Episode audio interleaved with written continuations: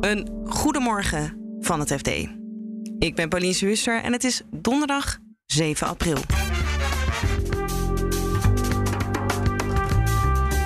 Klanten moeten hun rekening van een Russisch staalconcern afrekenen bij ING.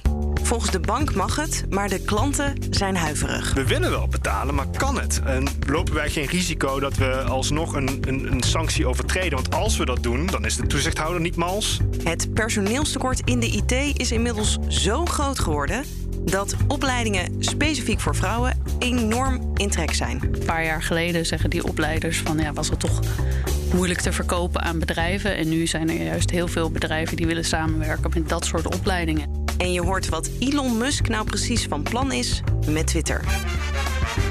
Dit is de dagkoers van het FD. De rekeningen van staalconcern Severstal, waarvan de grootste aandeelhouder op de sanctielijst staat, worden geïnd door ING. Klanten zijn bang voor problemen met de sancties, maar de bank zegt betaal gewoon door.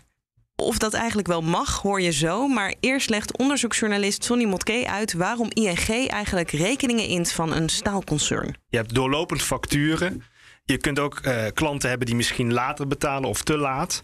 Als jij in je lopende productie, uh, je lopende dagelijkse operationele gang van zaken soepeler wil laten verlopen, of denkt ik heb eerder in een bepaalde maand cash nodig, dan kun je dat vooruit verkopen aan bijvoorbeeld een bank. Ja, dus je hebt nog rekeningen uitstaan en die koopt ING dan met een klein beetje korting. Juist.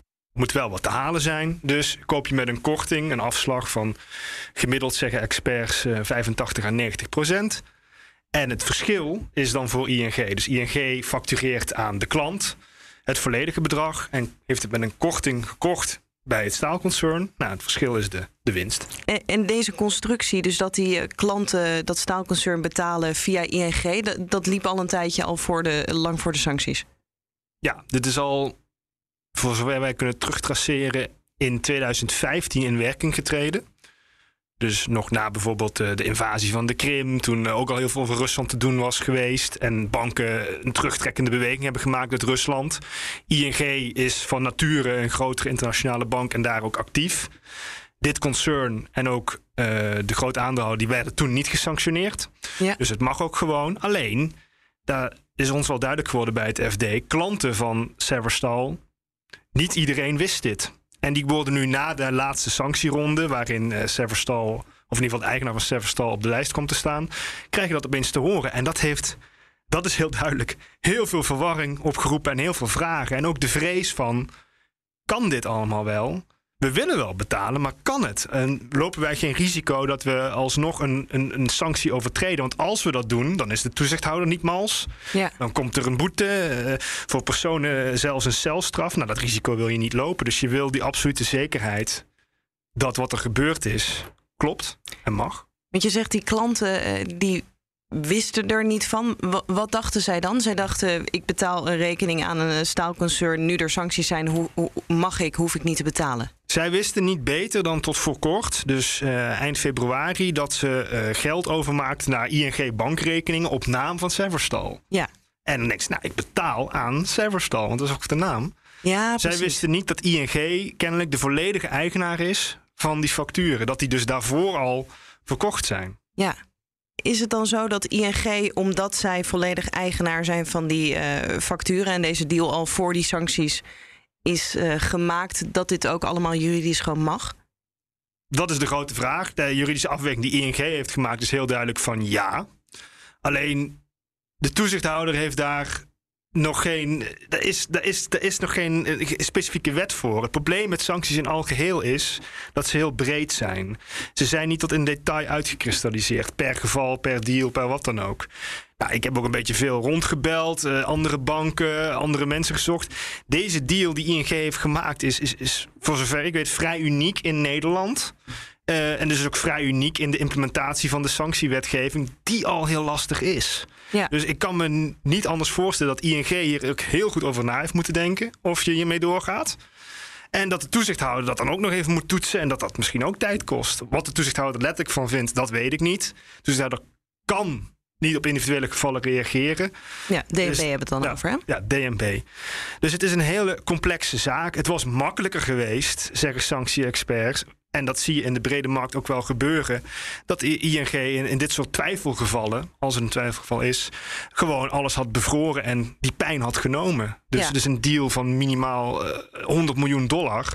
Ja, vooruit met de geit. Jammer, dan doet pijn, maar dan weten we in ieder geval 100.000 procent zeker dat het allemaal goed zit. Ja, want even voor de helderheid, stel dat deze deal was gemaakt toen de sancties al van kracht waren, dan had het sowieso niet gemogen, Ja, toch? niet gemogen, nee. Want dan had je, dan had je een overduidelijke, onmiskenbare geldstroom naar Severstal gehad. Dan had je hun geld eh, bevoordeeld, zeg maar. Ja. En nu is het de vraag: wordt Severstal nu niet alsnog bevoordeeld?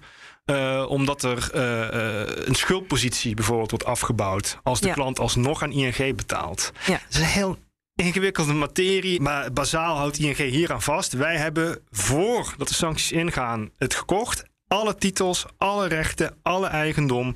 Er is geen schuldverhouding. Daar kan niks mis aan zijn. Ja, die rekeningen zijn van ons, je betaalt aan ons Ja. en dat mag. En we gaan naar de IT-arbeidsmarkt. Het personeelstekort daar is inmiddels zo dringend dat er zelfs gejaagd wordt op vrouwelijk talent. Merkt techverslaggever Sandra Olsthoorn. We hebben met opleiders gesproken die ehm, eh, nu overeenkomsten hebben met bedrijven. waarbij vrouwen een opleiding krijgen aangeboden en salaris vanaf het begin van de opleiding. En dan een baangarantie. Eh, en dat ja, tot een paar jaar geleden zeggen die opleiders van ja, was het toch moeilijk te verkopen aan bedrijven. En nu zijn er juist heel veel bedrijven die willen samenwerken met dat soort opleidingen. En dat ze gewoon echt heel erg hun best doen om vrouwen binnen te krijgen. Het personeelstekort is altijd al groot geweest. Maar om speciaal je best te doen om dan dat op te lossen door meer vrouwen te trekken. Ja, het was toch altijd zo van zo zijn we en, en eh, wie wil is welkom. Maar daar zat een soort bias in dat vrouwen dan niet of veel minder reageerden blijkbaar. En is het dan ook zo dat de sector ehm, dusdanig, nou ja, eh, vrouwonvriendelijk of misschien niet aantrekkelijk is voor vrouwen, dat je dus, nou ja, echt iets moet veranderen aan het werk of aan de opleiding om te zorgen dat vrouwen binnen willen komen? Ja, nou wat wij horen is dat je ziet dat in het verleden, of tot nu eigenlijk, eh, als het al lukt om vrouwen binnen te krijgen, dat ze vervolgens massaal afhaken. Een van die opleidingsprogramma's die wij gesproken hebben, ja, die doet bijvoorbeeld, eh, heeft dus zo'n heel aantrekkelijk aanbod voor vrouwen. Maar wat wij ook doen, is de bedrijven waar ze die vrouwen vervolgens plaatsen, om daar heel kritisch naar te zijn en tegen hun, eh, aan hun te vragen van ja, oké, jij wil die vrouwen van ons hebben die zo'n fijne opleiding hebben gedaan, maar wat heb jij voor hun eigenlijk om het leven voor hun beter te maken? Anders ben je ze alsnog kwijt. Ja, en de vrouwen die je binnenhaalt, die lopen daar al heel snel op stuk. Maar op de een of andere manier lukt het maar niet om die cultuur te veranderen. En uiteindelijk lukt dat alleen maar als je meer vrouwen binnen weet te halen en die ook langer vast weet te houden. Eén iemand met wie wij spraken, die zeiden.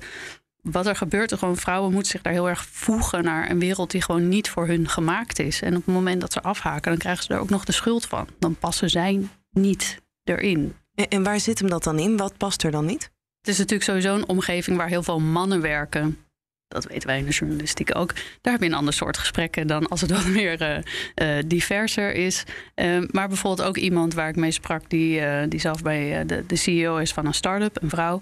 Die zei dat, dat zij het idee had dat het bijvoorbeeld bij start-ups nog wel extra ingewikkeld, wi- ingewikkeld is, omdat daar ook nog eens het beeld bij hoort van: oh, dat zijn groepjes jongens die 24 uur per dag werken.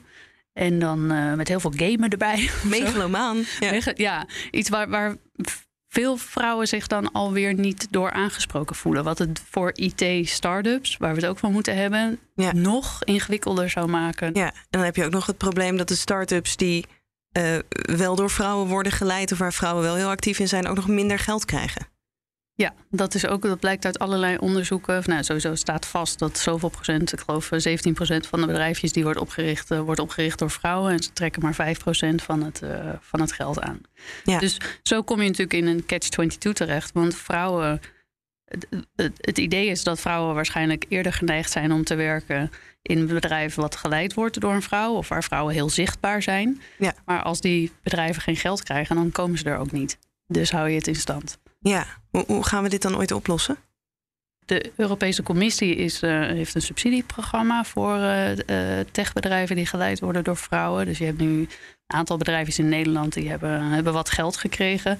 En daarbij de opdracht om eh, ja, de functie van rolmodel op zich te nemen. Dus heel veel te gaan praten en zich te laten zien, zodat andere vrouwen kunnen zien van er zitten vrouwen in de IT. Ja. Ja, en toch dit soort opleidingsprogramma's zal ook helpen. En het was de week waarin de wereld erachter kwam dat Elon Musk de grootste aandeelhouder is geworden van Twitter. Met tech-redacteur Jan-Fred van Wijnen blik ik terug op deze week van verwarring. Toen hij zijn aandelentransactie bekendmaakte, zijn grootste, een enorme transactie waarbij hij in één klap de grootste aandeelhouder was, bleek achteraf ook niet in één klap te zijn, dat allemaal zorgvuldig opgebouwd, maar dat kwam allemaal later aan het licht. Toen eh, werd er natuurlijk gespeculeerd over de vraag: gaat hij nu Twitter naar zijn hand zetten? Ja, en hij wordt uh, boardmember. Dat hebben ze inmiddels ook aangekondigd. Weten we wat dat zegt over hoeveel invloed hij gaat hebben op de koers van Twitter? Uh, hij is benoemd als een, dat, zoals dat in Amerikaanse termen heet, een class 2 uh, director. die worden in verschillende tijdvakken benoemd. Ja. in, in zijn geval, hij mag tot 2024 boardlid blijven, bestuurslid. En dat wordt door dit soort bedrijven ingesteld om te voorkomen dat uh, er in één keer te veel mensen binnenkomen die met z'n allen dat bedrijf aan de hand willen zetten. Dus bij hem is er een termijn aan, aan verbonden. Eerst dacht iedereen, door het specifieke formulier dat hij gebruikte om zijn transacties te melden bij de toezichthouder, dat hij een uh, director zou worden die, die zich niet bemoeit met de koers van het bedrijf. En daarna kwam een update. Dat duurde even voordat iedereen het in de gaten had. Waarbij hij het juiste formulier gebruikt. Dat je juist wel gebruikt als je iemand bent die invloed, invloed op, beleid, op beleid wil hebben. Dus nu weten we wel waar die staat, maar vervolgens horen we niks van hem. En we weten ook niet echt wat hij gaat doen. Want dan zie je weer een Twitter-poll langskomen van wil je wel of geen edit-button ja. en uh, is Twitter wel of niet censuur. Maar of dat dan echt iets gaat veranderen bij Twitter? Nou, kijk, zo begon het dus met uh, zijn campagne. Dat hij uh, nadat hij in stilte aandelen had uh, gekocht. Ja, maar voordat wij dat wisten. Maar voordat we het wisten. En, maar wel toen hij het al had moeten melden, ja. volgens de regels. Uh, toen deed hij ook zo'n enquête over de vraag... vinden jullie ook dat Twitter censureert? Dat Twitter eigenlijk de, de democratie ondermijnt? Daarna kwam dus, ik geloof een paar dagen later kwam dus aan het licht... dat hij zo'n groot belang had gekregen. En nu stuurt hij weer een enquête rond met de vraag of hij zo'n edit-button wil. Dus dat je je teksten weer uh, achteraf kan veranderen. Ja, maar Twitter heeft ook gezegd dat ze eraan werken. Ja, ja dat is een beetje moeilijk om uh, te, te, peilen of dat echt zo was. Of dat het misschien afgelopen week zo was. Of dat ze nu snel naar buiten hebben gebracht om te voorkomen dat ze in hun hemd staan. Ja, want ze zeggen dat ze er al heel lang aan werken. Ja, en ze willen natuurlijk niet uh, vertellen dat ze het eigenlijk niet van plan waren. Maar ja, nu Elon Musk zich met zoveel geweld er binnen heeft gekocht. nu moeten ze wel. Dus niemand wil precies vertellen hoe die waar hij nou echt mee bezig was en, en wat hij echt nog zelf te vertellen heeft of niet. En is het een machtig instrument eigenlijk om in handen te hebben als grootste aandeelhouder voor nou ja, bijvoorbeeld zijn andere bedrijven? Hij zal toch eh, het hele bestuur mee moeten krijgen als hij hele rare dingen wil doen met Twitter. Maar hij laat niet in zijn kaarten kijken, dus daar kunnen we alleen maar hardop over speculeren.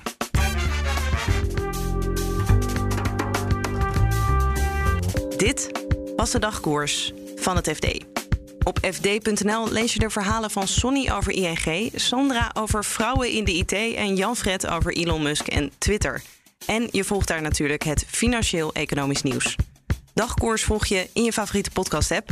Zoek ons daar even in op en klik dan ook gelijk op abonneren. Dan staan we morgenochtend automatisch weer voor je klaar. Een hele fijne dag en tot morgen.